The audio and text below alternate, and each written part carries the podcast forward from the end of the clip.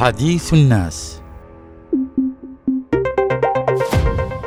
يا هلا بأحبابي ضاقت بنا الدنيا وتعسر الحال وقلت الحيلة أمام هذا الوضع المعيشي المتردي. رواتبنا يا إخواني انتهت وليست لها قيمة. أجيت لصاحبي طبعا اليوم أشكي له حالي. قال لي بس اسكت اسكت لا تشكي لي أبكي لك. شوف أنا اليوم استلمت فتات. قلت له إيش فتات؟ قال لي فتات. إيش ما عرفت إيش معنى الفتات؟ قلت له برضو مش فاهم. قال لي مش أنت قلت إن رواتبنا انتهت؟ وهذا الفتات هو بديل الراتب. الراتب فعلا انتهى. قال بالله عليك أنا راتبي أربعة وخمسين ألف ريال. بالله عليك إيش يكفي هذا المبلغ؟ هل أسدد؟ ديون البقالة ولا الإيجار حق البيت أو أسدد ديون صاحب الخضرة وصاحب الصيد أو الديون الأخرى اللي علي أنا. دول اللي ذكرتهم لكن الآن قد وقفوا علي الاستدانة. قلت له طيب ما دام راتبك أربعة وخمسين ألف وليش تستمر بالاستدانة؟ قال لي يا أخي قد وقفوا علي الدين من شهور. والراتب طبعا استلم بعد شهرين ونص واحيانا ثلاثة أشهر. إيش أسوي فيه بالله هذا الراتب؟ والأسعار في البقالات والسوق نار نار نار. إذا أنا مريض أو معي واحد من أسرتي مريض ما أقدرش أشتري له علاج. كيف نسوي بالله يا أخي؟ هل نموت لو مرضنا؟ أحيانا ما نقدرش على حبة البنادول فما بالك باللي يمرض مرض شديد. هل نشحت؟ أنا طبعا تنهدت تنهيدة عميقة عميقة جدا. وقلت له والله كلامك صحيح. أنا حالتي زي حالتك بالضبط وأكثر. شوف في غيرنا حالاتهم أخص مني ومنك على فكرة. قلت له تصور أسرة عايشة على باب الله عددهم لا يقل عن 13 فرد. معظمهم أطفال وبنات.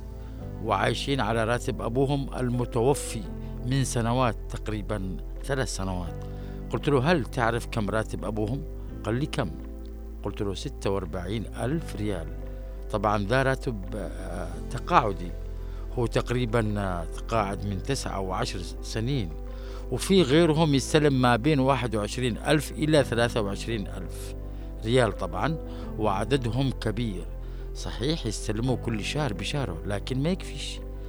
لكن الأمر والأدهى من هذا كله في ناس رواتبهم كمان ضعيفة جدا وفوق هذا تتأخر شهرين وثلاثة أشهر الرواتب.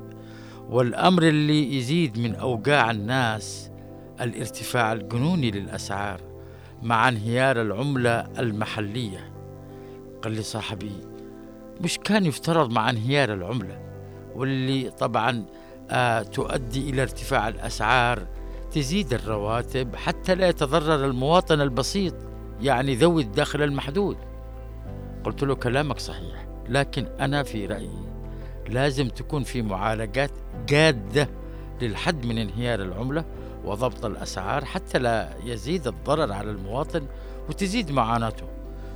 يا إخواني شوفوا تفاقم معاناة المواطنين هنا عندنا بعدن وباقي المحافظات الجنوبية نتيجة مش بس نتيجة تدهور العملة المحلية لا أمام العملات الأجنبية طبعا والارتفاع المستمر والجنوني لأسعار المواد الغذائية والاستهلاكية والمشتقات النفطية. الفساد الفساد يا إخواني سبب بلاوينا ومشاكلنا. بالله عليكم إيش ذنب هذه الأسرة الجائعة واللي قد تموت إذا مرضت نتيجة فقرها وحاجتها للمال من أجل الاستشفاء. وضع مزري. والله انخفاض لمستوى دخل الفرد الشهري واليومي. نتيجة فقدان العملة المحلية 80% من قيمته.